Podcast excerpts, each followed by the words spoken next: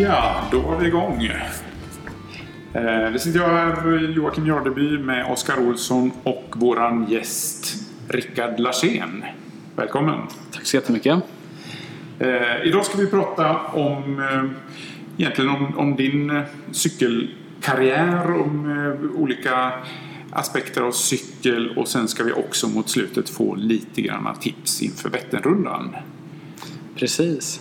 Så det ser vi fram emot. Eh, och innan vi drar igång med det så ska vi bara nämna våra sponsorer. Vi har O23 Konditionscenter. Kolla in hemsidan på o23.se. Vi har Bergatroll Media och Fredag Event och Kommunikation. Men som sagt, ämnet för dagen Rickard Larsén. Yes. Eh, jättekul att du kunde komma hit. Och du är väl mitt inne i eh, period nu eller hur ser det ut för din del? Ja, som det har varit nu det senaste från eh, början på april så har vi varit inne i en väldigt eh, intensiv tävlingsperiod faktiskt. Eh, det började med ett gemensamt läger som laget hade i Åhus i, slutet på mars i en vecka. Och sen så var det direkt till Mallis för ytterligare en vecka med läger och sen så drog tävlingssäsongen igång Eh, i, med, i och med eh, Östgötaloppet eh, i början på april där. Och sen så direkt därifrån till Frankrike för två etapplopp. Och sen så hemma några dagar, eh, tävla i Uppsala och sen så Tour of Norway nu förra veckan och så nu är jag hemma tre dagar eh, och sen så är det vidare till Estland sen på torsdag då. Så att eh, det är fullt ös kan man väl säga så att man hinner nästan inte träna för allt tävlande. Ja, Okej, så det, det är som hålla sig i form genom tävling helt enkelt. Eh, Precis. Och Joakims följdfråga blir, har du en sambo? Ja, jag har, jag har faktiskt en sambo. Är det sant? Tro det eller ej. Alltså, jag har ju hittat eh, världens bästa sambo som eh, står ut med att jag eh, håller på och härjar och, och är ute och far och flänger. Och, och när jag väl är hemma så ligger jag på soffan som ett eh, kolli mer eller mindre. Eh, jag, när jag väl är hemma så är jag oftast rätt trött och sånt liksom. Men hon är väldigt förstående och tycker att det är bara roligt att jag får möjligheten att hålla på så som jag gör. Ja, för det är faktiskt, ja, för det är väldigt få förunnat att få den här möjligheten faktiskt. Så att, eh, jag försöker ta vara på den så, så gott jag kan. Precis. Hur länge har du eh, vetat om att du ville bli cykelproffs och, och så? Alltså det har väl inte varit så, så länge. Jag är ju inte eh, uppvuxen med cykel i familjen så som många andra. Så jag har ju inte varit så här liten, liten spelevink som har sprungit runt i, eh, i eh, kortbrallor och sagt att jag ska vara cykelproffs sen jag var sex liksom. Men, men allt eftersom åren gick där och man började köra i, i junior och kom med i landslaget en sväng där och, och ja, resultaten började trilla in så fanns väl ja, tanken där att man, att man ville upp dit. Eh, och, och det är ju klart att som kontiåkare så, så vill man ju ytterligare eh, ett steg högre upp. Liksom. Man, vill ju, man strävar ju alltid efter nya utmaningar och högre, högre nivåer av tävlingar och lag och allt sånt där. Liksom. Men, men jag är jättenöjd där jag är just nu och det är ett steg på vägen förhoppningsvis.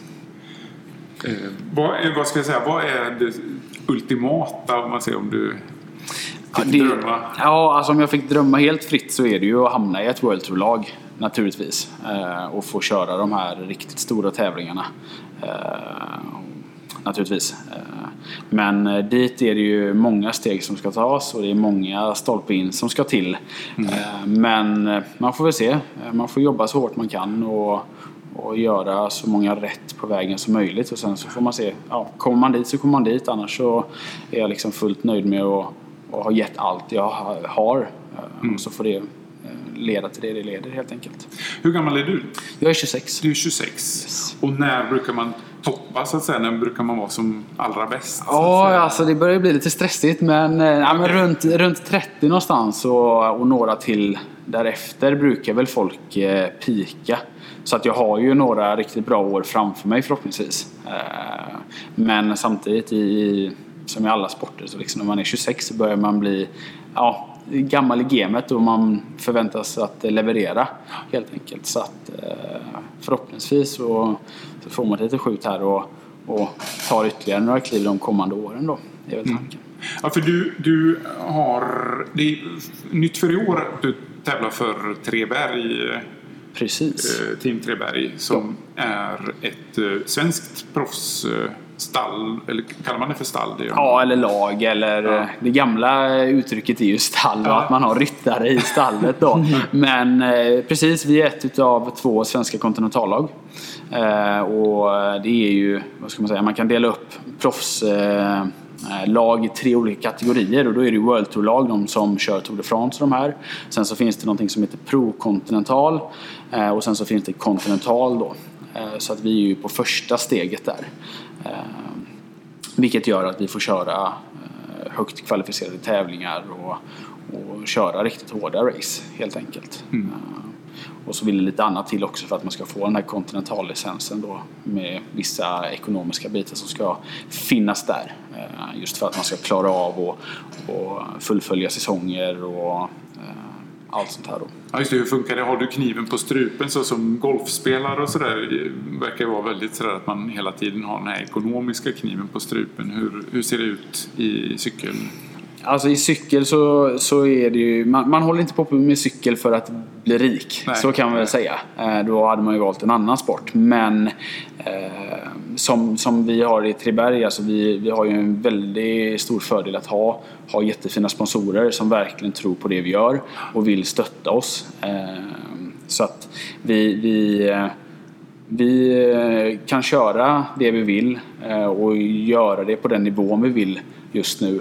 Eh, Och eh, det är liksom få förunnat att ha de förutsättningarna som vi, vi i laget ändå har. Eh, Så att eh, det är klart att man, man får skrapa och eh, kämpa för att betala hyran varje månad men eh, det, det ger ju så mycket mer att få hålla på med det man, man älskar liksom. Och, och jag ser det inte som, ja, jag, jag behöver inte ha eh, det här extravaganza livet eh, med flashiga bilar eller fina klockor eller, eller så här liksom. Utan kan jag hålla på och hoja så som jag gör och flänga runt och fortfarande ha en glad sambo och en bra lägenhet liksom, så är jag mer än nöjd med det.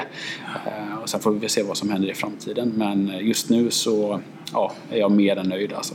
Ja, det låter ju fantastiskt bra men det är väldigt viktigt antar jag bara känna det här lugnet i att man kan göra det man vill på det sättet man vill. Absolut. Eh, Och jag, ja, det, det krävs ju mycket för att, att komma dit och det är ju inte alltid så bekvämt men eh, det är skönt att, att ha det lugnet ändå att liksom hyran, hyran blir betald och, Ja. och så här liksom. Det är inga konstigheter. Det är gott. Eh, och du tog ju ett SM-silver i linjecykel eh, förra året. Precis. Grattis! Ja, tackar, tackar. Eh, vad ska jag säga, vad, vad krävs det för att ta Det är ganska många bra cyklister i Sverige ändå. Ja, alltså toppen. Det, det råder ju delade meningar om det där. Eh, Och, och framförallt eh, så får man ju höra från så icke insatta att svensk cykel inte är så bra. Men toppen, jo, det, men det får man faktiskt höra rätt ofta. Men, men toppen är rätt hög alltså. Eh, Och det är liksom bara att ta han som var trea förra året på SM. Han, han vart ju fyra på prologen på girot nu, Tobias Ludvigsson. Och, och vi har eh, bra många som är riktigt starka. Alltså. Så att det är inte så att... Mycket handlar ju om svensk cykling att de har ju inte kanske förutsättningarna heller. Utan de är duktiga men de har kanske inte ett lag, de har inte ekonomin, de får inte rätt stöttning. Nej. Så att det är ju väldigt liksom, hårda grabbar du cyklar mot men som kanske inte har fått chansen som alla andra. Exakt, exakt. Så att eh, på SM så, alltså det är, jag säger så här, är du, är du topp 10 på SM så är du eh, riktigt bra cyklist alltså. Eh, Och det ska du vara riktigt nöjd med. Och så hade jag ju då eh, turen och eh, lite ja, skicklighet och, och ja, lite pannben som gjorde att jag fick ett silver med mig därifrån. Eh, Men det är ju by far det bästa resultat jag någonsin har gjort.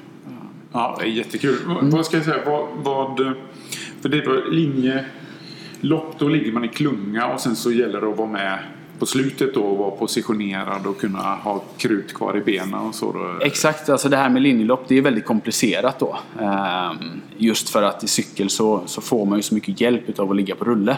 Ehm, så att i klungan så kan man ju glida med relativt lätt om det är en lätt bana då, inte så mycket ja, backar och, eh, och kantvind och sånt då.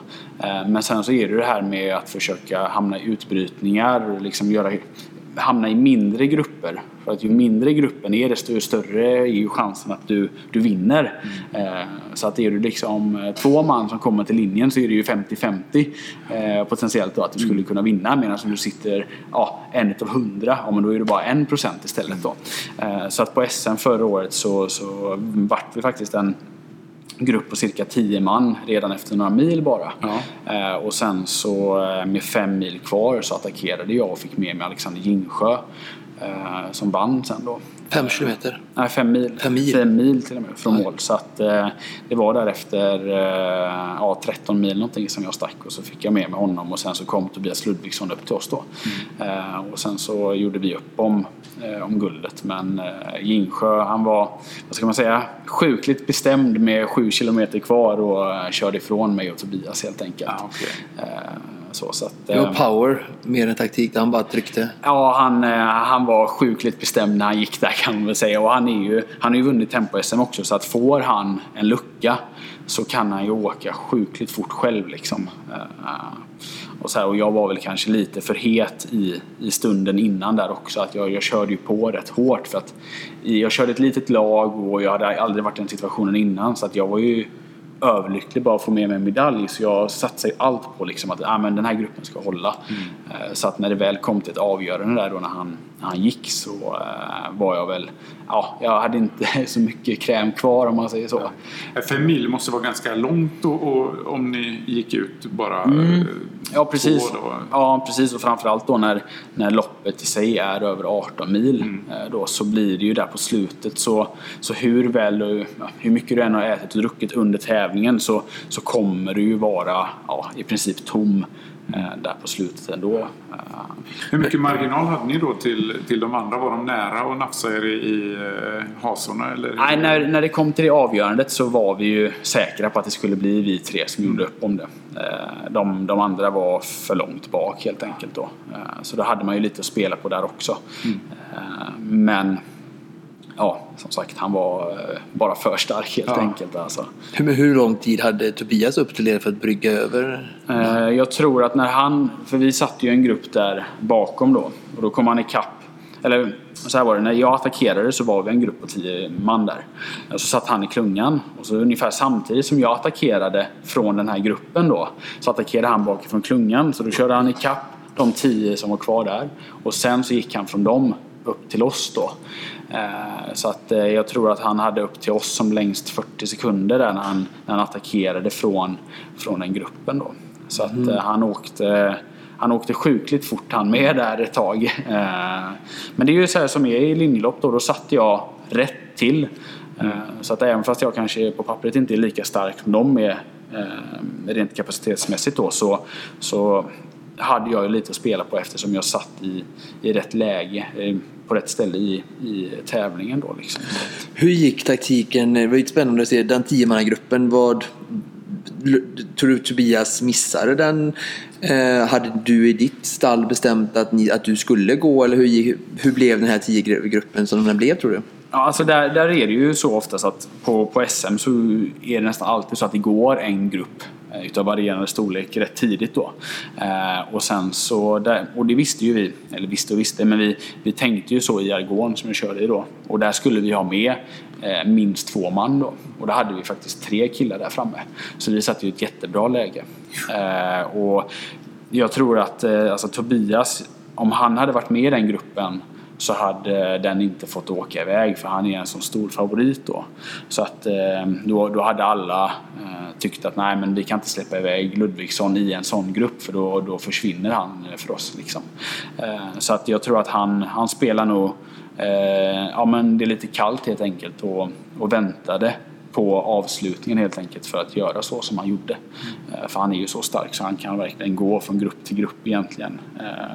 Han har den kapaciteten så att han, han kan vänta in tävlingen lite. Medan vi i Argon då, vi, vi vill ha med tre man där framme för att liksom vara på rätt plats när tävlingen skulle avgöras då. Eh, Och så eh, blir det ju som alltid när, när tävlingen börjar närma sig sitt slut och då vill ju alla liksom minimera den här gruppen ytterligare. Så att det var ju fritt med attacker fram tills det att jag kom iväg då. Okej, så, att, det eh, attackerades för fullt. Ja, precis. Vilka Så- var det mer som var med? Ja, då var ju till exempel Jonas Ahlstrand eh, och eh, Han är stark. Ja, han är ju äckligt stark och framförallt sjukt snabb i spurten. Eh, och så även eh, Filip Lindau är ju riktigt stark också. Eh, de var ju med där och det var egentligen de eh, två som inte körde i Argon eller Triberg då eh, i den gruppen. Så att eh, när jag gick där så, så försökte ju de köra in oss. Eh, Men eh, ja, en lång tävling och det varit en hård dag och varmt och allting så att de lyckades inte täppa den luckan. Eh, och då kände jag liksom att när jag märkte det att de inte riktigt... Alltså det, det, man kan säga att det är som ett gummiband. När jag attackerar där så liksom ser de en och försöker täppa det. Och när jag märker det att, det tar, alltså att de inte kommer direkt, men då kände jag att nu är det bara att ge allt här alltså. Så att jag skickade ju på allt vad jag hade där för att det här gummibandet bara skulle gå av då. Eh, och Och i det tur- läget är det ungefär lika tufft för dem som det är för dig. För då absolut. ligger ju de också i, i, Ute i vinden, och- precis. Då hade jag kanske 400-500 meter eh, stor lucka där då. Eh, och då gäller det ju att köra så hårt så att ja, men de tappar lite suget där helt enkelt. Alltså ja, viljan att täppa den här luckan liksom. Och så gick Insjö upp till dig då? Ja, då var han med mig där. Han var med dig? Ja. Så han låg på ditt hjul där då? Ja, precis. Men vi hjälptes ju åt rätt bra där. Men, men i det läget så, så var han faktiskt eh, rätt trött. Och det är ju det som är så roligt nu när vi kör i samma lag. Att vi har ju pratat mycket om det här, vad, vad som hände där. För att jag har ju en, en upplevelse av vad som hände och han en helt annan då. Eh, och det var så liksom i det läget när vi hade kommit iväg där så körde jag ju på allt, liksom, allt vad jag hade. Och han vart krispig alltså, men jag tror att han bara mörkade. Så jag satt där bara, bara Alexander nu får du fan köra. Alltså, jag tänker inte sitta här och dra med dig liksom, och eh, bli slagen i spurten utan nu får du fan eh, bjuda till lite. Och han bara, nej men jag, fan, jag är trött, jag är trött. Jag bara, men skitsnack, kör nu. Så där. Men det visar ju sig faktiskt att det var inte skitsnack utan han var verkligen på repet där. Ja. Eh, Men någonstans så lyckades han eh, få lite nya krafter där på slutet och, och köra. Men i det rycket då som du säger, du går i full gas där och så Mm. eh, åker han med dig eh, några, någon kilometer och sen så börjar ni ju hjälpas Ja. åt. Så då, då sänker ni liksom 100 watt sen liksom. För att ni kan ju inte ligga på full gas i fem mil. Nej, alltså det, det som händer är att man får ju gå så hårt man kan till en början där för att skapa sig en, en bra lucka. Eh, och för oss blev det ungefär en minut då. Eh, och då, då börjar man ju liksom gå ner lite i intensitet och få till ett bra samarbete och en, en hållbar intensitet i det. Eh, och då kanske det handlar om att man ligger när man är fram och drar un- ungefär tröskel någonstans. Och så får man vila eh, bak på då, då ja, när du ligger bak den andra då så, så kan du ligga 100 watt lägre helt enkelt. Då, liksom. så att, eh, och det är, det är hållbart då, att sitta och köra så då. Då är det så pass, ni är så pass vältränade då så att ni återhämtar er i den situationen då? Ja, precis. Alltså det går ju mycket energi när man sitter där och kör på det sättet. Men eh, det man, man inte vill i ett sånt läge är ju att man drar på sig för mycket mjölksyra när man går fram och drar. Då. Eh, för att då är det att har du varit fram och dragit och har massa mjölksyra för att du har kört så hårt då är du väldigt utsatt för att eh, någon ska attackera då. Ja. Så att du vill ju spara lite på det och det är ju samma sak. Alltså du vill ju spara så mycket energi som möjligt till slutet också. Så att du vill ju att du, ni ska hålla undan på ett bra sätt men du ska köra så eh, ja, Sparsamt. sparsamt som möjligt Ja. där helt enkelt. Då. Och hur långa dragningar gör ni i det läget då när ni börjar hitta liksom den här rytmen igen? Då? Det är, det är väldigt varierande. Ju, ju fortare man ska köra desto kortare förningar. Och då kan det ju vara 10 sekunder kanske. Ja. Eh, Men när man sitter och, och cruisar så här eh, som vi gjorde där ett tag då är det kanske 30 sekunder istället eller 40 sekunder. Men det är ändå relativt korta förningar. Eh, Just för att hålla farten uppe. För om man tänker där då, liksom, då ska vi försöka snitta ja, 45 på platten ungefär liksom, när vi sitter och vad man tycker cruisar lite då liksom. Så, så det, det rullar ju på rätt bra liksom. Kan man ju Det säga. är rätt snabbt om man säger Ja, så. men vi, Vad, vad tror du var anledningen, ursäkta vi snöar in, det var ju kul och intressant SM-lopp Mm. där jag såg det själv på streamat där.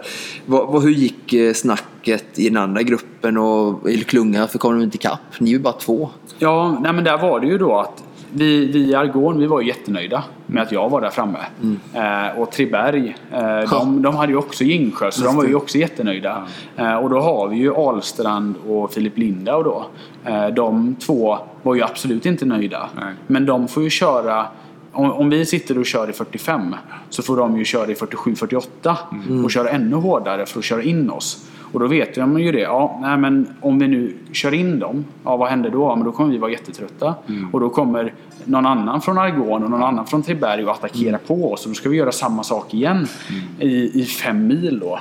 Eh, och det, det blir ju till slut, nej, men det blir ju inte hållbart. Eh, Nej, utan- det är därför det är så enormt viktigt att ha ett lite större team också. då, Ja, att man, absolut. Man vill ju alltid ha numerärt överläge i en grupp då. Eh, Så att det, vi var ju Triberg och eh, vi i Argon var ju jättenöjda med den gruppen som gick iväg där för där hade vi ju eh, alla eh, ett, ett numerärt övertag då. Men den gruppen som ni attackerade från, den borde blivit inhämtad fort av klungan då, eller nej? Nej, då- Det var ingen som körde på det egentligen ju. Nej, utan det var ju just att, att vi, vi var ju de två stora lagen i klungan då.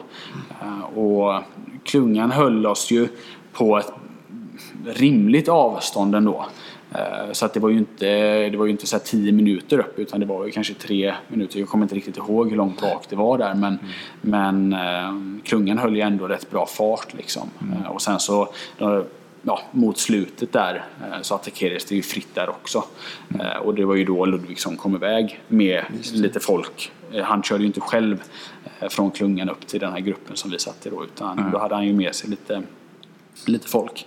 Eh, Så att, eh, eh, men det är just det här att så, så länge de stora lagen är nöjda då så får den här gruppen åka. Eh, Och de mindre lagen kanske inte vill riktigt offra för många kort för att köra in det här heller då. Nej. Så det är, det är väldigt komplicerat det här med, med eh, linjelopp när man är så många som startar och det är mycket taktik och, och man kan se det egentligen som att alla, alla cyklister har en eh, ask med tändstickor eh, och så har man liksom fem tändstickor att tända på liksom. Eh, och de ska man ju försöka spara så länge som möjligt på då. Eh, för på slutet så, så vill du ju ha den här ja, en extra helt enkelt. Ja. Och det var ju det Gingsjö hade och jag hade inte det då. Eh, Så att eh, det är ju ja, det är väldigt mycket taktik bakom, bakom de här tävlingarna då helt enkelt. Ehm, ja, vad, ska jag säga, tävlar du både i tempo och linje eller bara i, i linje? Jag tävlar i båda. Ja. gör jag. Eh, dock så kör vi inte så många tempolopp på ett år faktiskt. Nej. det var mycket fler förr i Sverige. Eh, då var det nästan standard att man körde tempo på lördag och så linje på söndag när det var en tävlingshelg. Men det har nästan försvunnit så att nu är det vanligare nästan att det är GP-lopp då, att det är kortare varv och kortare tävlingar och sen så ett linjelopp på söndagar då. Ja, okej. Eh, Men eh, fram, fram tills ja, i år så har vi inte kört något tempo faktiskt. Nej. Så det blir tempo-SM som blir eh, premiären då helt enkelt. På tempo. Eh, Jag tänkte för de som inte är så insatta i, cykelsporten, eh, skillnaden då eh, mellan tempo och linjelopp, vad, vad Precis, alltså i linjelopp då startar man ju alla samtidigt helt enkelt. Det är ungefär som Göteborgsvarvet, man bara släpper Ja. lös alla samtidigt och så är det den som är först över linjen som vinner. Ja. Medan på tempolopp då så kör man en och en med ja, ett startintervall då. Oftast en minut mellan varje start då. Och så kör man en bestämd sträcka och så tar man tid på den då. Så den som är snabbast tid vinner helt enkelt.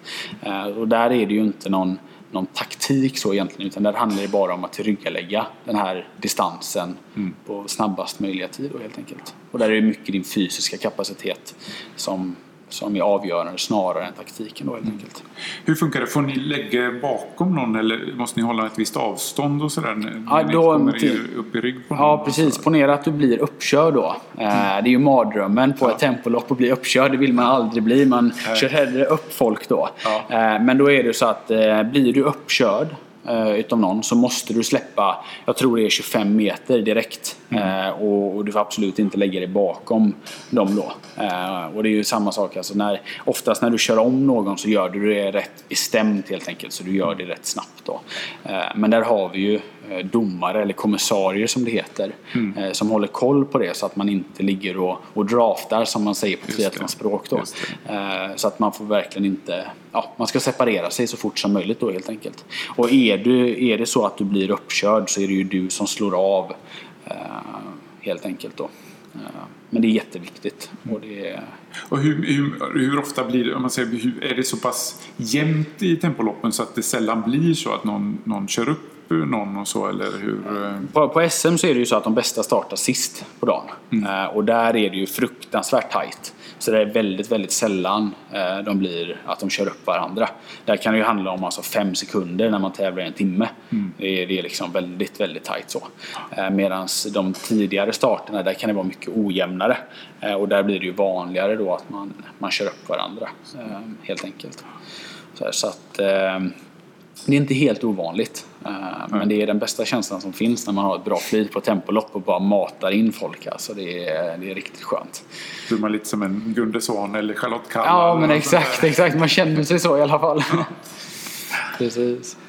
Eh, Just det, det var en fråga till jag hade om, om eh, när ni går ifrån i, i klungan och så, är det, är det oftast i en uppförsbacke eller kör man på platten eller var som helst när man försöker attackera? Så? Alltså generellt sett så kan man ju tänka att när, när man är som tröttast det är då det är läge att attackera. Ja. Det låter lite konstigt men ofta så är det ju så att om du är trött så är alla andra trötta. Eh, och när du sitter och tänker bara "Äh, fy fasen om, om någon attackerar nu då dör jag. Ja men det är då du ska attackera. Eh, liksom, för då, då, då är ju folk eh, mindre benägna att, att vilja gå med och du kan skapa den här luckan då. Eh, men ofta så är det ju uppför, så om du är bra uppför så kan du göra större skillnad där.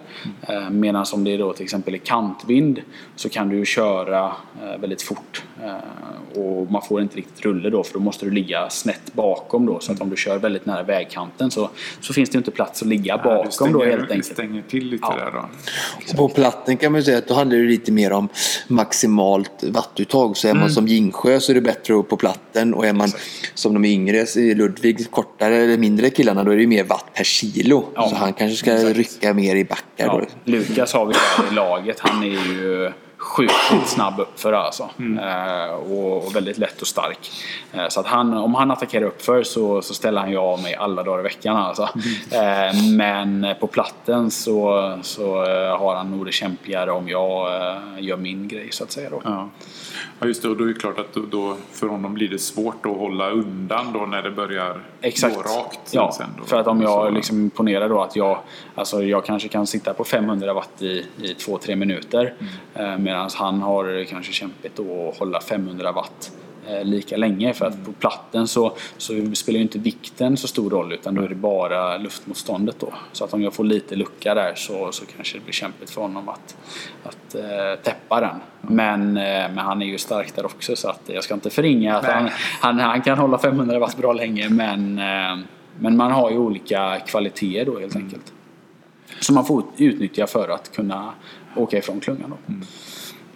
Och Räknas du som en stor och stark eller är du någonstans mitt emellan? Eller hur? Ja, jag är ju relativt stor Ja. eh, faktiskt. Eh, folk som ser mig tycker inte att jag är så stor men i, i cykelsammanhang så, så är jag ändå eh, relativt eh, tung så sett. Eh, jag ligger ändå på ja, 73-74 kilo. Eh, så här, och det, är, det, är rätt, eh, det är rätt mycket. Eh, speciellt när man ska åka upp för och så. Men eh, ja, det går ändå tillräckligt fort eh, på sina ställen för att jag ska kunna göra resultat ändå. Så att man är, man är helt enkelt olika. Och jag hade väl kanske kunnat gå ner i vikt också men då tappar man kanske den här toppfarten på platten då som ändå är en av de egenskaperna som, ja, som, som jag vill ha kvar. Så det är en, det är en eh, balansgång där att vara lätt men samtidigt stark då. Och det känns som att de här lag, de tävlingarna ni kör nu är ju lite mer plattåkning än innan du skulle bli liksom en eh, World Tour-cyklist. Ja. Då kanske du skulle liksom ha en annan profil och Exakt. komma så långt så kanske du skulle deffa ner det lite mer liksom, för Ja. att det är mer berg på de loppen. Liksom. Precis. Nu så är det inte jättelånga stigningar så vanligt i alla fall. Nej, liksom. nej, utan det var, var ju nu i Tour of Norway. Det var ju för oss sett väldigt alltså, extremt eh, mycket klättring. Där var det ju faktiskt alltså, riktiga klättringar. Det var inte bara backar utan det var ju berg liksom. Eh, och det, det är ju väldigt sällan vi kör sånt så att det, det är ju en sak alltså. Det är, det är ju inte så roligt att vara bra tycker jag då en gång per år kanske. eh, då är jag hellre halvbra eh, hela året eh, på de typen av race som vi kör då. Som är mer Content, halvkuperat och, och vind och det krävs mycket mycket rå kraft liksom. Snarare än watt per kilo som du var inne på.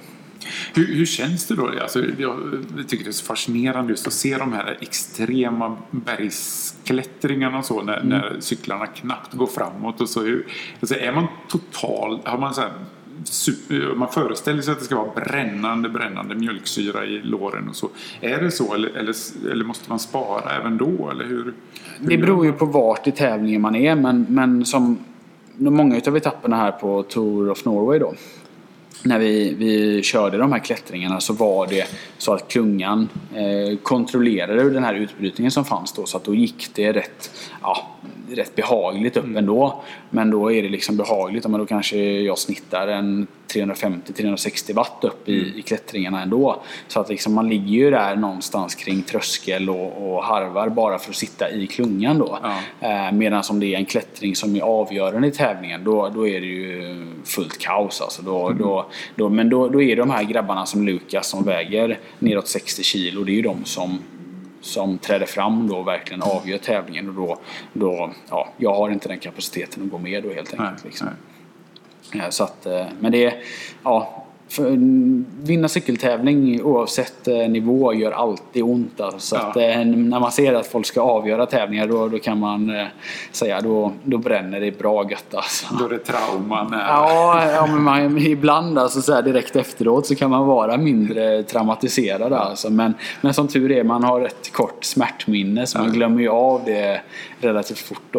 eh, Hur ont det verkligen gjorde. Man kan jämföra det här lite tänker jag, för våra, våra lyssnare som inte är så insatta i cykel och nördiga som, som, som jag och Rickard. Men jag tänker till exempel som fotboll.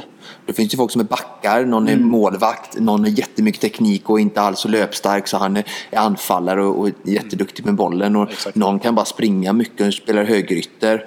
Och så har ni också liksom att eh, det är olika kvaliteter på dem. Det är tempo, klättrare, hjälpryttare Exakt. eller som du på Exakt. platten. Och, Ja, precis. Och det är ju också så liksom i ett sånt lag som vi, vi kör i. Då är det ju så att vissa tävlingar eh, är ju mer anpassade då för, för vissa åkare. Och då kör vi ju fullt ut för dem. Eh, för vi får ju hellre en gubbe till ett bra resultat snarare än att vi får fem man på, på halvbra resultat. Eh, och det är ju någonting som är, som är en stor styrka i vårt lag nu att vi verkligen kör för varandra och vi vill lyckas som grupp. Eh, och det är ju någonting som, som vi verkligen tar med oss härifrån Tour of Norway då. Eh, där vi inte riktigt fick med oss de resultaten som vi hade hoppats på. Men det som vi, vi tar med oss därifrån är just det att vi, vi har hittat, alla har hittat sin, sin grej som man är bra på. Och vi kan verkligen köra som lag och köra för varandra. Helt enkelt. Och då vet ni det redan innan i princip vem ni satsar på där och, Mm. och det ska vara något ganska o, oväntat om det blir på något annat Exakt. sätt. Alltså det, det kan ju alltid hända saker. Så det är ju en miljard olika scenarier som uppspelar sig hela tiden i en cykeltävling. Men eh, man, man har en grov plan eh, när man ställer sig på start. Eh, och sen så får man ju under resans gång ta nya beslut helt enkelt. Eh, och det är ju någonting som man också måste lita på. Sin, både sin egna eh, förmåga att fatta de här eh, snabba besluten men även sina lagkompisar då för att man ska få med sig det bästa möjliga resultatet. Då. Helt enkelt. Men eh, Tour of Norway var ju väldigt, eh, som vi pratade om du och jag här innan vi satte på rec, så det är väldigt tufft motstånd. Eh, och jag har ju följt er och Thomas Löfqvist eh, rapporter från varje eh, sträcka och eh, du sa att ni nådde en del- mål, men var de realistiska? Om du tänker om du ska vara ärlig, ni var ju ett ganska som du sa, lågrankat lag. Borde du med ert material varit bättre eller var det så liksom att ja, det var rätt bra ändå om man tänker efter att det var mycket starkt motstånd? Ja, alltså vi har ju inte gjort bort oss. Det, det, får, det, det har vi absolut inte gjort. Eh, Men sen så är det ju alltid så liksom att man vill någonstans hoppas och, och tro att man mm, dagen i dagen när man gör det här liksom otroliga resultatet.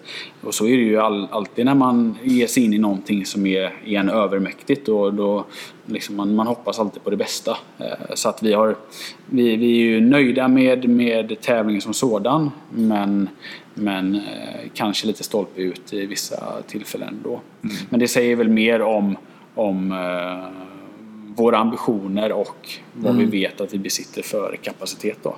Eh, Men jag, ja, vi, jag är övertygad om att fortsätter vi bara på den liksom inslagna, inslagna vägen så kommer de här resultaten som vi, som vi hoppas på. De kommer komma helt enkelt. Man får bara vara lite, eh, lite enveten och ha tålamod, tålamod helt enkelt. Får man ha. Hur ser en typisk träningsvecka ut? Det är, det är väl väldigt Ja. olika över året då, men, men hur Precis, kan men, det se ut? Ja, nej men det, det Ja, som sagt, jag har ju inte haft en... Det var länge sedan jag hade en normal träningsvecka. Men, men det är ju... Mycket tid ska ju till. Framförallt. Alltså det är, när man kör på den här nivån så, så eh, är ju mängd eh, en, en nyckelfaktor naturligtvis. Alltså. Eh, Man har ju sett det att att eh, de bästa i världen, alltså alla tränar eh, över 900 timmar i princip per år. Eh, och då är ju det någonstans grunden till att ja, mängden ska till.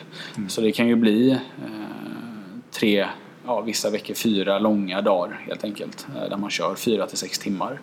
Eh, och sen så ska man ju ha in någon slags kvalitet i veckan också då. Så då kanske man har två dagar där det är riktigt hårda intervaller eh, för att, boosta det systemet också då.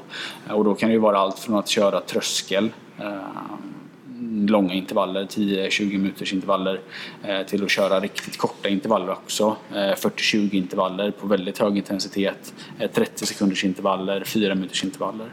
Eh, men det viktiga är ju att man har är tillräckligt fräsch på de här riktigt hårda passen så man ska kunna köra dem stenhårt eh, också. Eh, och det är väl kanske en av de stora mi- missuppfattningarna som, som gemene man har angående det här med hur proffs tränar. Liksom, de ser bara de här enorma träningsmängderna men de inser inte hur sjukt hårt folk kör när de väl kör hårt. Alltså.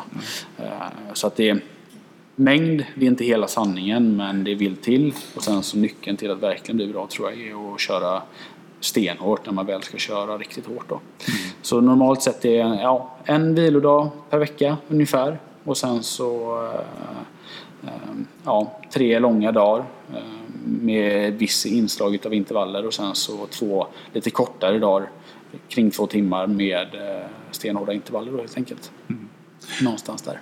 Och under den här intensiva tävlingsperioden då, får, eh, får ni in någon träning då alls? Eller är det bara att man behöver vila inför nästa? Och så? Man måste ju träna också Ja. eh, naturligtvis. Eh, men det är ju som, som nu när man kommer hem från en, ja, en vecka i Norge här och är bra sliten så, så måste man ju ta en, en två dagar eh, rätt lugnt då.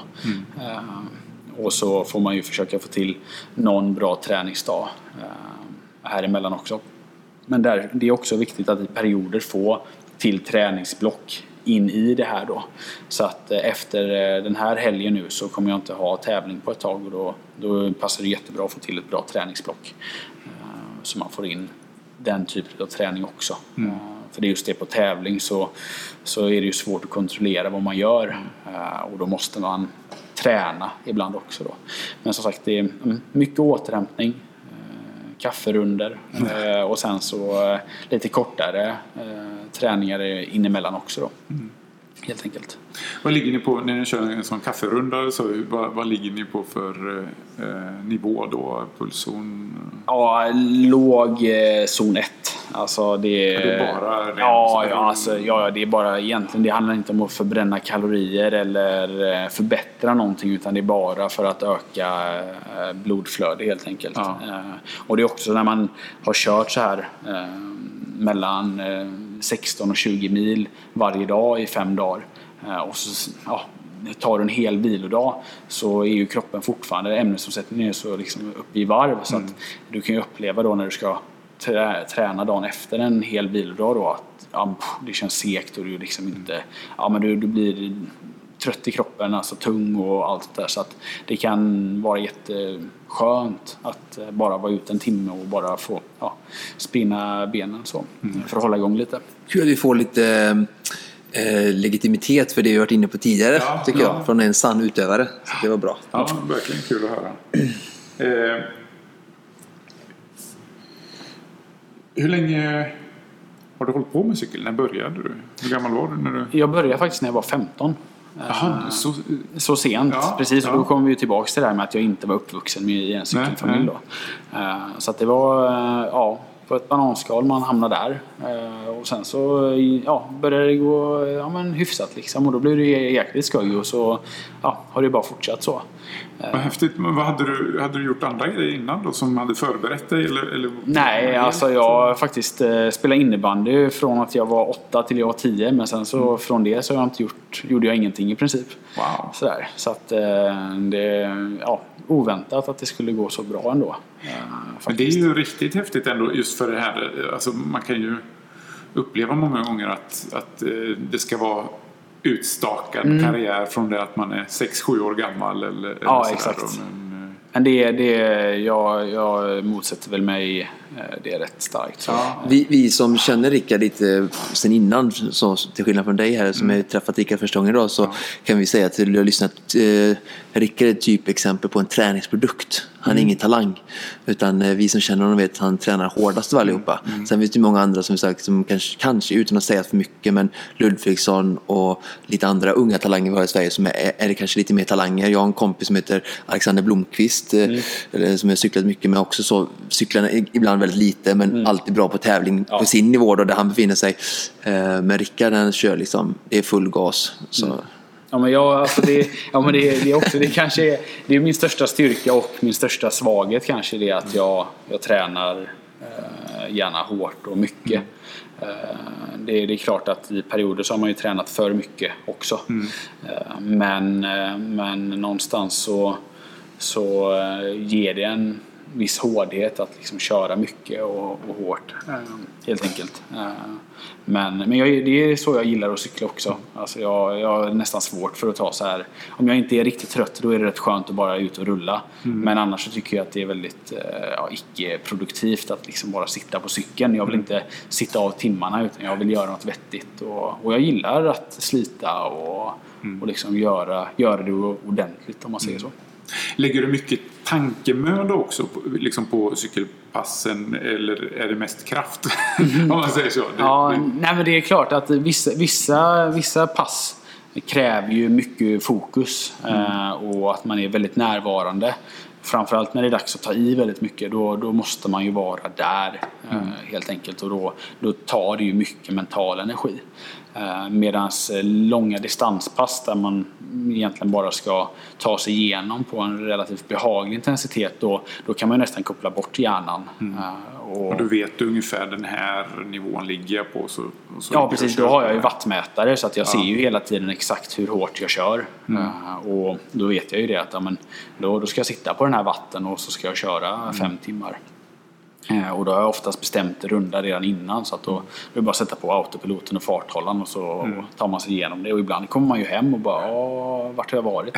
nej, nej men det blir lite så här eh, eh, meditation över det. Man, eh, man kan sväva iväg väldigt mycket i tankarna och sånt. Och det tror jag många konditionsidrottare känner igen sig i. Att man, man, eh, ja, det är väldigt meditativt. Och Den kan vara köra. nästan lite befriande. Mm. som man- Absolut, så att då vissa pass ger ju mycket mer mental energi än vad de tar. Medan vissa dränerar en fullständigt på mental energi. Men det, det har sin tjusning det också. Klart. Ja, Har du också så här, ångest inför såna här riktigt hårda eh, intervallpass? Eller så? Absolut, det, det kan man ju verkligen ha. Eh, och det är väl det, det är ju jobbigt men det är någonstans eh, ett bevis på att man, eh, man gör någonting rätt tror jag. Eh, just för att man vet att man, man själv kan försätta sig i, i den här, det här tillståndet där det gör fruktansvärt ont, det är väl fel att säga, men, men det, är- det är sjukligt obehagligt kan man väl säga. Det är inte bekvämt. Eh, och, och det är ju någonting som verkligen vill till för att man ska ta sig framåt. Eh, Och så vet man ju det att när man är i form då så, så gör det bara ja, ont eller så så går det oftast rätt fort också. Eh, Och det är rätt, eh, ja, det är en skön känsla helt enkelt att veta det liksom. Ja, nej, men det är bra, nu, nu är det rätt liksom. Det, det ska vara så här helt enkelt. Så man får gilla läget. Ja, men det är coolt. Mm. Eh, Och, eh, jag tänker på hur, hur tacklar du, jag antar att du också har svackor ibland när man inte är så Absolut. sugen och, sådär. Hur, Ja. hur tacklar du det? Alltså jag, jag, det är ju alltid ett mentalt spel det där. Eh, Och det är, det är naturligt att alla har svackor där man ifrågasätter vad man håller på med och, och att man är konstant trött och, och håller på och sliter och det är ibland dåligt väder och allt sånt här. Men, men jag har väl kommit eh, underfund med att det är en del utav grejen. Och då är det ju så att jag, för att jag ska ha alla bra stunder också så måste jag ha de dåliga med dem då. Eh, Så att det, vill jag hålla på med det här på den nivån jag gör och eh, vill jag göra det på det sättet som jag vill så, så är det en naturlig del utav hela grejen då. Eh, Så att hade jag inte Eh, kunnat finna mig i att det kommer vara jävligt ibland och, och det är tufft och det är blött och det är kallt och man är hungrig och man är trött och allt sånt där då, då har jag nog eh, valt fel grej helt enkelt. Mm. Jag tänker att det är ju rätt mycket så i livet kan det vara. Alltså när vi tänker på familjeliv med, med tvätta, städa, med folk med familj och barn och sådär. Liksom att de positiva sakerna överväger ju och Exakt. man ligger hemma och funderar, ska jag göra detta nu städa liksom? Ja. Men man, ändå så har man ju valt att ha ett hus och man Exakt. tycker det är rätt gött när det är städat och man ligger i sitt fina städade och nytvättade liksom i, Ja. i garderoben. Så att, eh, det är som du säger, det är ju samma, det finns saker som hör till i det stora hela liksom. Exakt, exakt. Men det är också, alltså det, det är ju inte...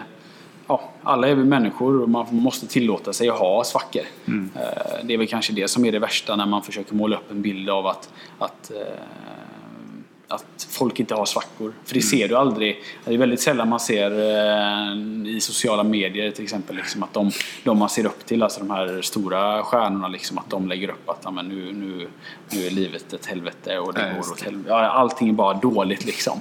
Eh, och, och träningen går kass liksom. Du ser ju bara när folk sätter nya personbästa i watt och, och slår något rekord på någon eh, teststräcka och, och de tar någon medalj på någon världscup och sånt här liksom. Eh, så att man, man får nog eh, försöka att intala sig att alla har svackor och att eh, det är helt naturligt helt enkelt. Men har du många som du kan tävla eller träna och, och sporra med här i Göteborg och så? Mm, ja, det har ju varit bättre kan man väl säga. Ehm, förut, förra året så hade jag ju två lagkompisar som bodde här i Göteborg. Eh, Anders Ek och Marcus Svensson och båda var ju på riktigt hög eh, elitnivå i Sverige. Ehm, så att vi, vi tränar ju väldigt mycket ihop. eh, helt klart. Men vi har, alltså det, är- det är bra många som cyklar i Göteborg eh, och det finns många som jag kan sparra med. Helt klart. Men framförallt så tränar jag mycket med en kille som heter Emil Andersson som kör i Göteborgs Cycling Team. Och eh, vi funkar väldigt bra ihop på, på träning så. Eh, liknande kvaliteter eh, och båda gillar att eh, köra fort och hårt. Och, och, eh, ja, vi, vi kan få varandra sjukligt trötta eh, om, vi, om vi är på det humöret. Så att, eh, det, det finns absolut folk att, att köra med här i Göteborg. Och det är en stor eh, ja, en ynnest att ha det. det. Det vill till helt enkelt. För ibland så måste man ha lite sällskap och, och pusha det här extra helt enkelt. Hur ofta kör du eh, själv och hur ofta kör du ihop med folk? Jag har ju lyxen att inte ha ett 9 till 5 jobb. Eh, Så att jag tränar ju väldigt mycket dagtid. Eh, Och det är ju väldigt få som har den lyxen att göra det. Så att 9 av 10 pass blir ju själv helt enkelt. Eh, För jag, ja, min flickvän hon pluggar och, och jobbar eh, dagtid. Så att eh, för min del så är jag ju hellre ute och tränar eh, när hon ändå är i skolan eller jobbar.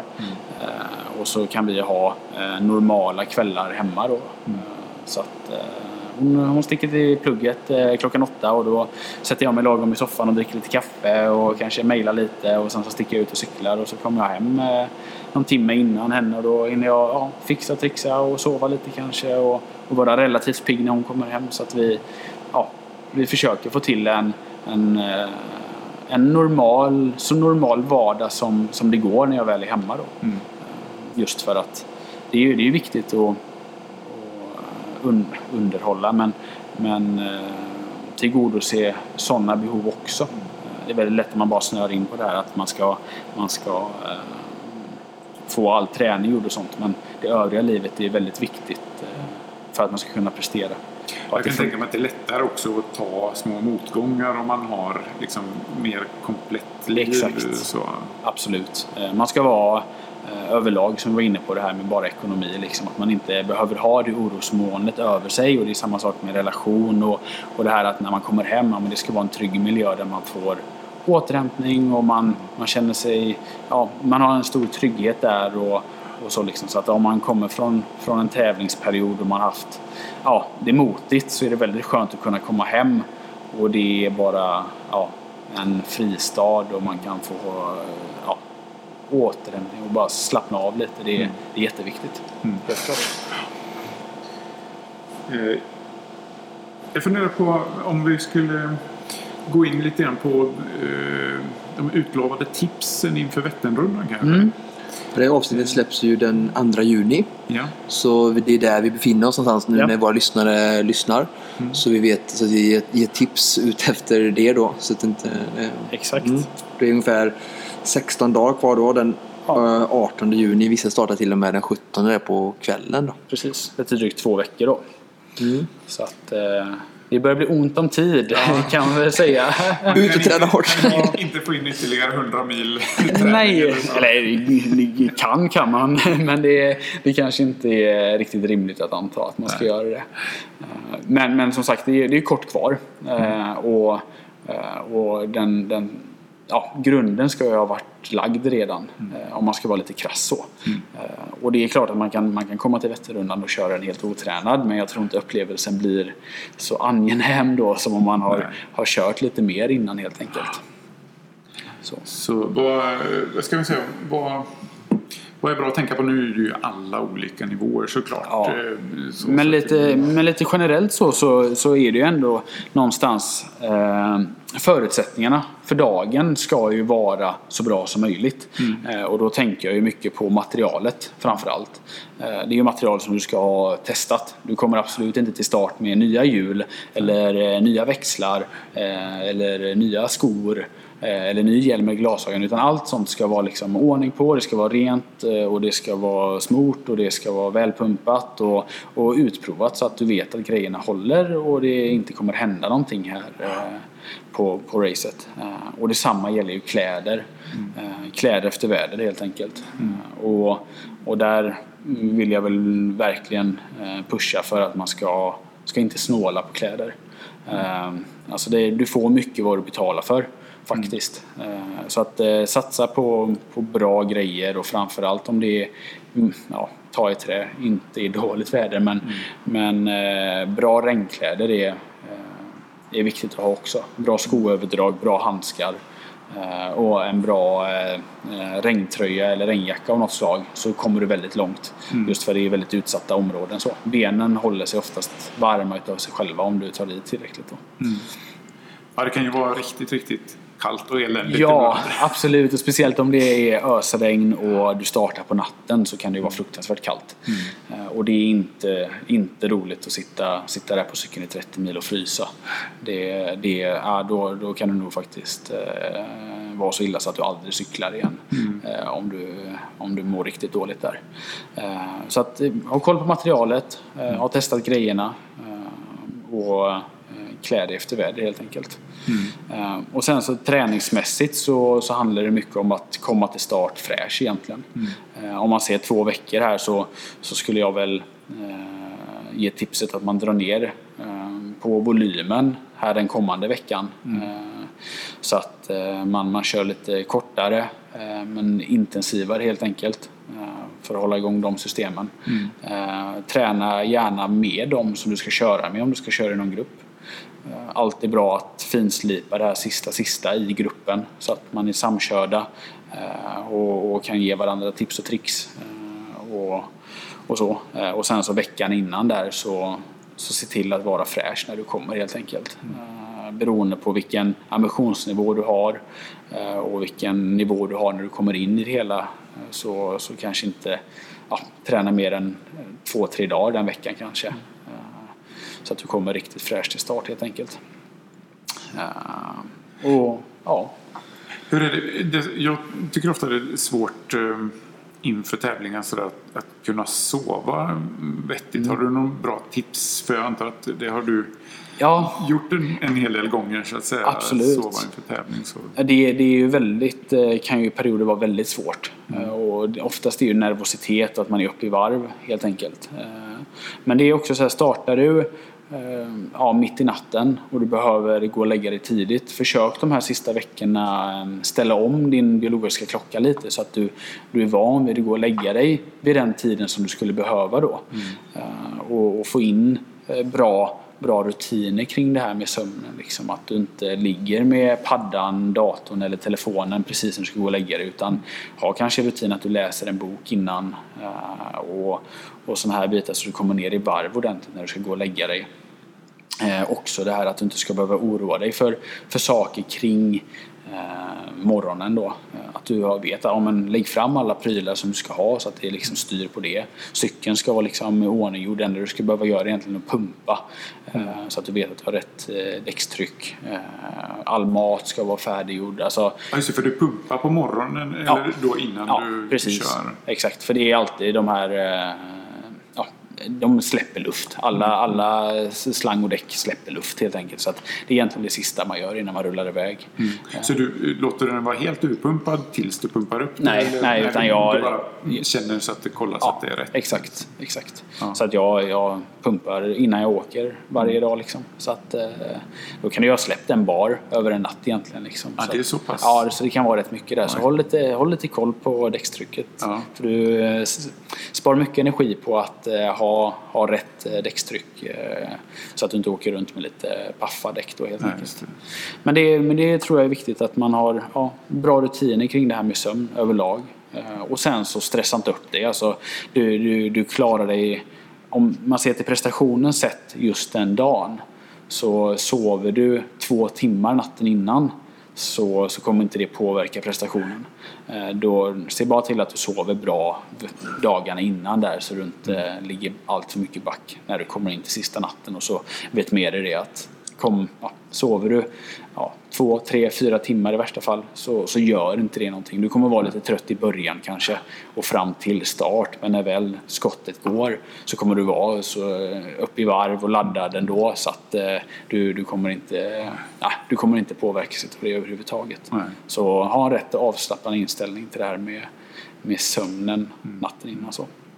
Ehm, du var inne lite grann på det med klungkörning och sådär. Mm. Det är ju en, grej som många gör på Vätternrundan och man kanske inte är jättevan med Mm. det eller sådär. Har du några bra tips där för säkerheten och, och sådär runt den? Absolut. Eh, man, man ska ju någonstans försöka känna av vart den här gruppen som man sitter i, var, var ligger nivån där? Märker du att de här kör väldigt fort och, och eh, de, eh, de ligger väldigt tight och de är väldigt samspelta och så kommer du som en liten outsider och inte riktigt är med där. Då, då kanske du ska ligga längst bak i gruppen, bara glida med och låta dem göra sin grej. Eh, och, och, ja. Vi kan eh, säga det att det finns ju, om man kommer ikapp eller blir omkörd av en klunga så kan det ju kännas som, som ett vindsug och man Ja. kommer med. Och då är det så att vissa grupper också har något som kallas för grindvakt. Ja. Som vi kan säga till våra eh, lyssnare som är väldigt, eh, det är ju egentligen inte cykelsporten, det är ju mer kommit på grund av Vätternrundan. Ja. Eh, och grindvakt är egentligen någon som fått i ansvar då i den gruppen om 20, 30, 40 cyklister att inte släppa in nytt folk då som, som inte är samkörda. Obehöriga. Obehöriga, precis. Ja. Och och det, då vet man, då, då kan, behöver man inte ge sig in i den gruppen utan då kan man vara bakom grindvakten och känna till det och så får man gärna ligga där bak och spara energi och det är ju jättebra. Då kan man ju få en väldigt bra tid och jag rekommenderar verkligen folk att försöka hänga med i grupper och ligga där bak där man inte stör och bara få, få hjälp om det går. Ja, och sen så prata med han som sitter där bak och bestämmer. Alltså får jag gå med här om du känner att du vill göra det och ha hela tiden en dialog helt enkelt. Eh, och, och vara uppmärksam på vägen, hur den ser ut. Eh, framförallt om det är hål eller skador i vägbanan. Eh, varna bakomvarande cyklister för att det är ju så när man sitter i den här gruppen så ser du inte så mycket fram, framåt helt enkelt. Så att eh, första man i gruppen ser ju vad som finns på vägen och då måste han ju varna då så att man inte, man inte går omkull på grund av att eh, man har varit lite eh, ouppmärksam helt enkelt. Mm. Så det är mycket ja, respekt på vägen för varandra och vad man gör. Och, och det finns ingen subtid i världen som är värd att man bortser från säkerheten och, och det här. Utan alla ska ta sig igenom Vättern utan att ha gått i backen och på ett bra sätt helt enkelt. Så, så säkerheten är A och O och försök känna av vart du står i nivå kontra de som du cyklar med då. Mm. Och är du lite osäker så ja, håll lite större avstånd och, och ja, större säkerhetsmarginal helt enkelt. Det skulle jag säga. Hur mycket äter ni under ett lopp? Sådär? Väldigt mycket. Ja. Väldigt mycket. Eh, så att eh, det är, det är ju svårt det här om man inte är van vid att äta på cykeln kanske. Men eh, säg, säg, det är lätt att dela upp ett lopp i timmar. Men det är, skulle jag säga, alltså, två normalstora bars och, och två flaskor i timmen ungefär. Mm. Något sånt kan man väl ha som riktlinje att äta. Helst. Ja, ni ja. ja precis. Det gäller att omsätta det också. Ja, exakt. Men det, men det är ju just det liksom att när vi, vi kör så hårt som vi gör så, så kan vi aldrig ta upp så mycket, mycket energi som vi gör av med. Eh, och vi, vi, eh, det här är ju på tävling då när man ska mm. prestera. Och när man ligger på väldigt hög energiomsättning. Ja, precis. Två bars, två flaskor, hur många är det? 500, 400, 500? Ja, men ponera att man gör av med 900 Absolut. timme. Så är Jag menar, det... klet och plet gör ju inte det kanske. Nej, nej.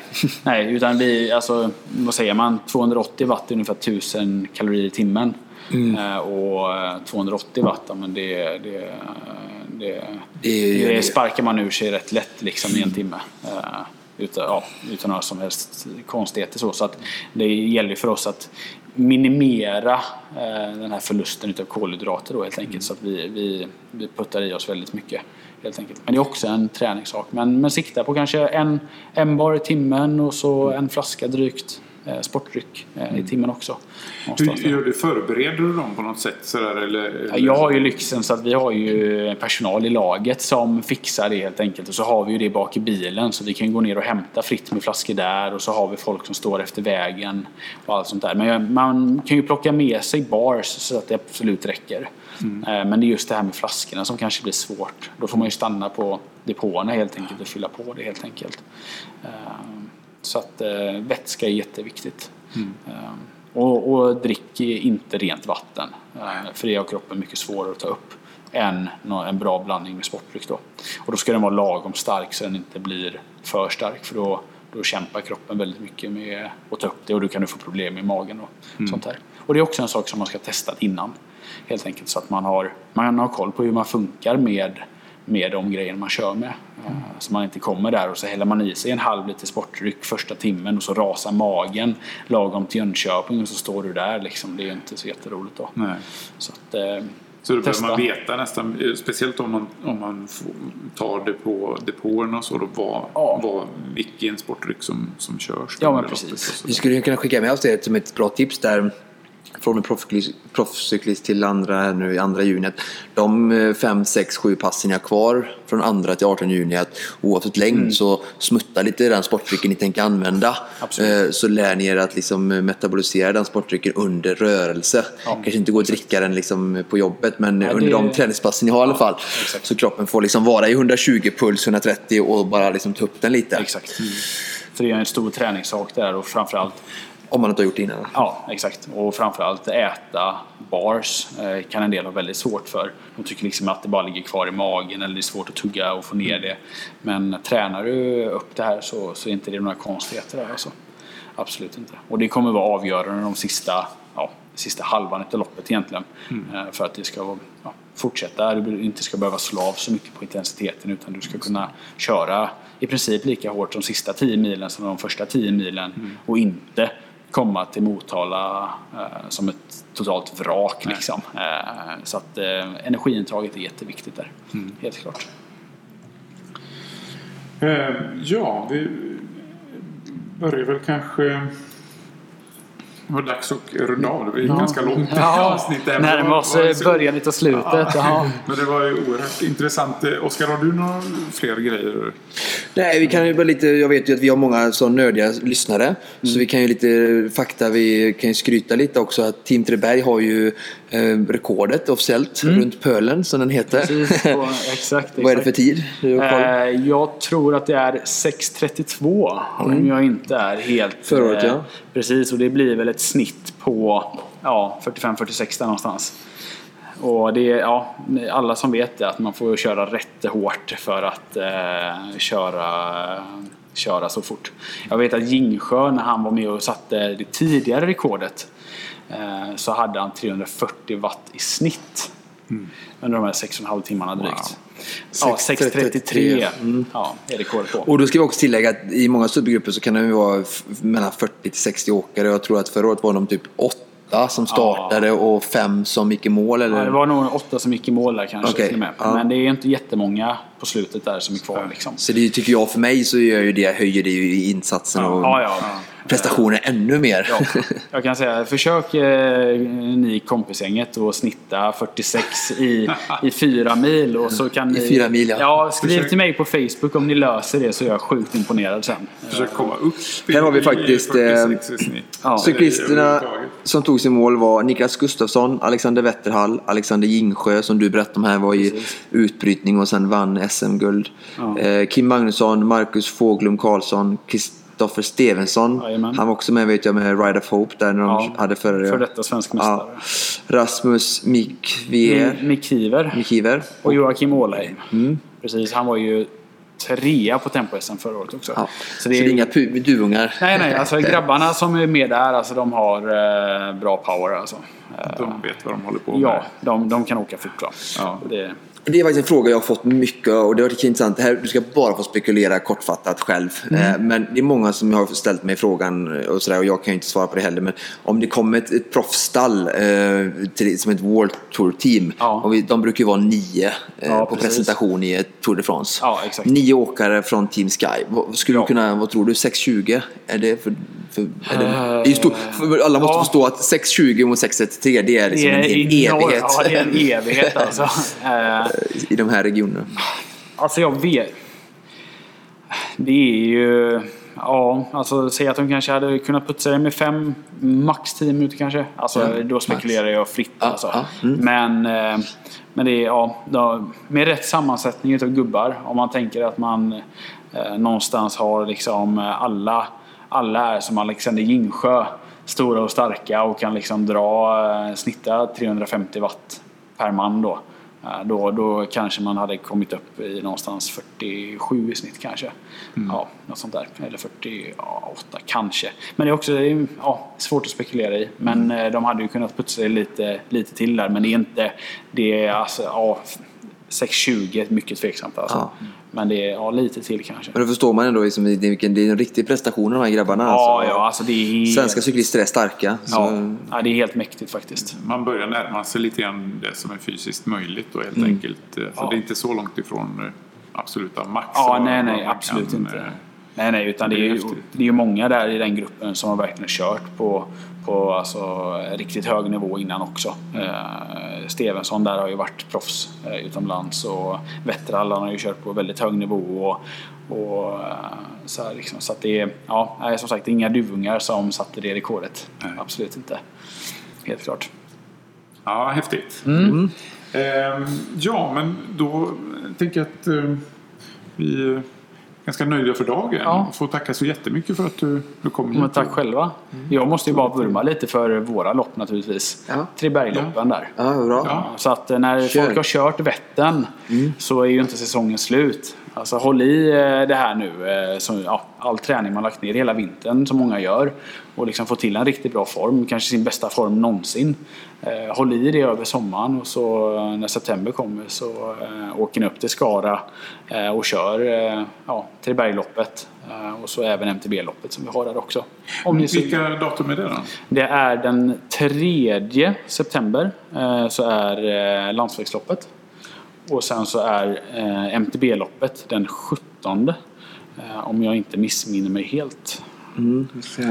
Så att, eh, Ja, det är ju väldigt roligt att cykla i klunga överhuvudtaget. Ja. Så, liksom, jag tror att eh, den all, eh, generella motionären borde vara med på mer sådana här typer Absolut. av eh, motionslopp. För det är väldigt roligt. Cykel är ju faktiskt Ja. en social och grupp så. va? Absolut. Eh, Som fotboll eller en annan eh, lagidrott lite så. precis. Vad, vad är det för eh, distanser på de här då? Eh, Triberg, på mountainbikeloppet så har vi 80 kilometer. Ja. 17 september. Ja, precis den 17 september. Och sen så Tribergloppet då. eh, Det är ju dryga 18 faktiskt. Eh, Men där finns det kortare varianter också att köra om man eh, känner sig sugen på det då. Vi har ju liksom ja, både 100, 180 och 90 kilometer då. Men, men jag tycker att om man, om man ska se till det här med att träna in för lopp så är ju alltid tävling bästa träning. Faktiskt. Och då kan man testa allting i skarpt läge. Så att, eh, ja, kör, kör mycket lopp. Eh, Gärna Triberg. Eh, men överlag, kör så mycket lopp ni kan. Eh, Det är skoj. Och det boostar moral. Och ja, det är alltid kul att få mäta sig mot andra helt enkelt. Ja. När eh, anmälningar till, till de här loppen, är de... eh, Den, ligger- det är öppet att anmäla sig fortfarande. Jag hoppas att det finns startplatser kvar. Eh, Det kan, jag är inte uppdaterad på hur det ser ut där.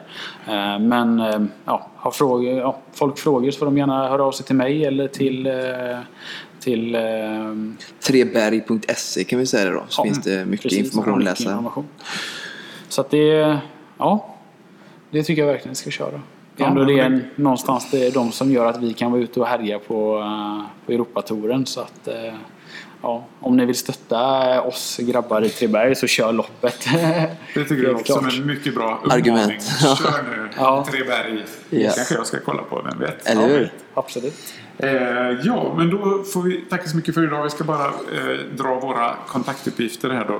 Eh, vår mail på konditionspodden gmail.com. Eh, på Facebook hittar ni oss under Konditionspodden och som vanligt eh, vill vi hemskt gärna att ni kommer med, med eh, förslag, tips, eh, både på gäster, ämnen, eh, frågor. Gärna frågor. Vi försöker besvara eh, alla frågor vi får in. Eh, och nästa vecka ska vi prata om open water-simning. Eh, och med det så får vi bara tacka eh, Rickard Larsén så mycket och lycka till med säsongen. Tack själva. Tack själva. Jättekul att vara här. Tack. Tack. Säger vi tack och hej.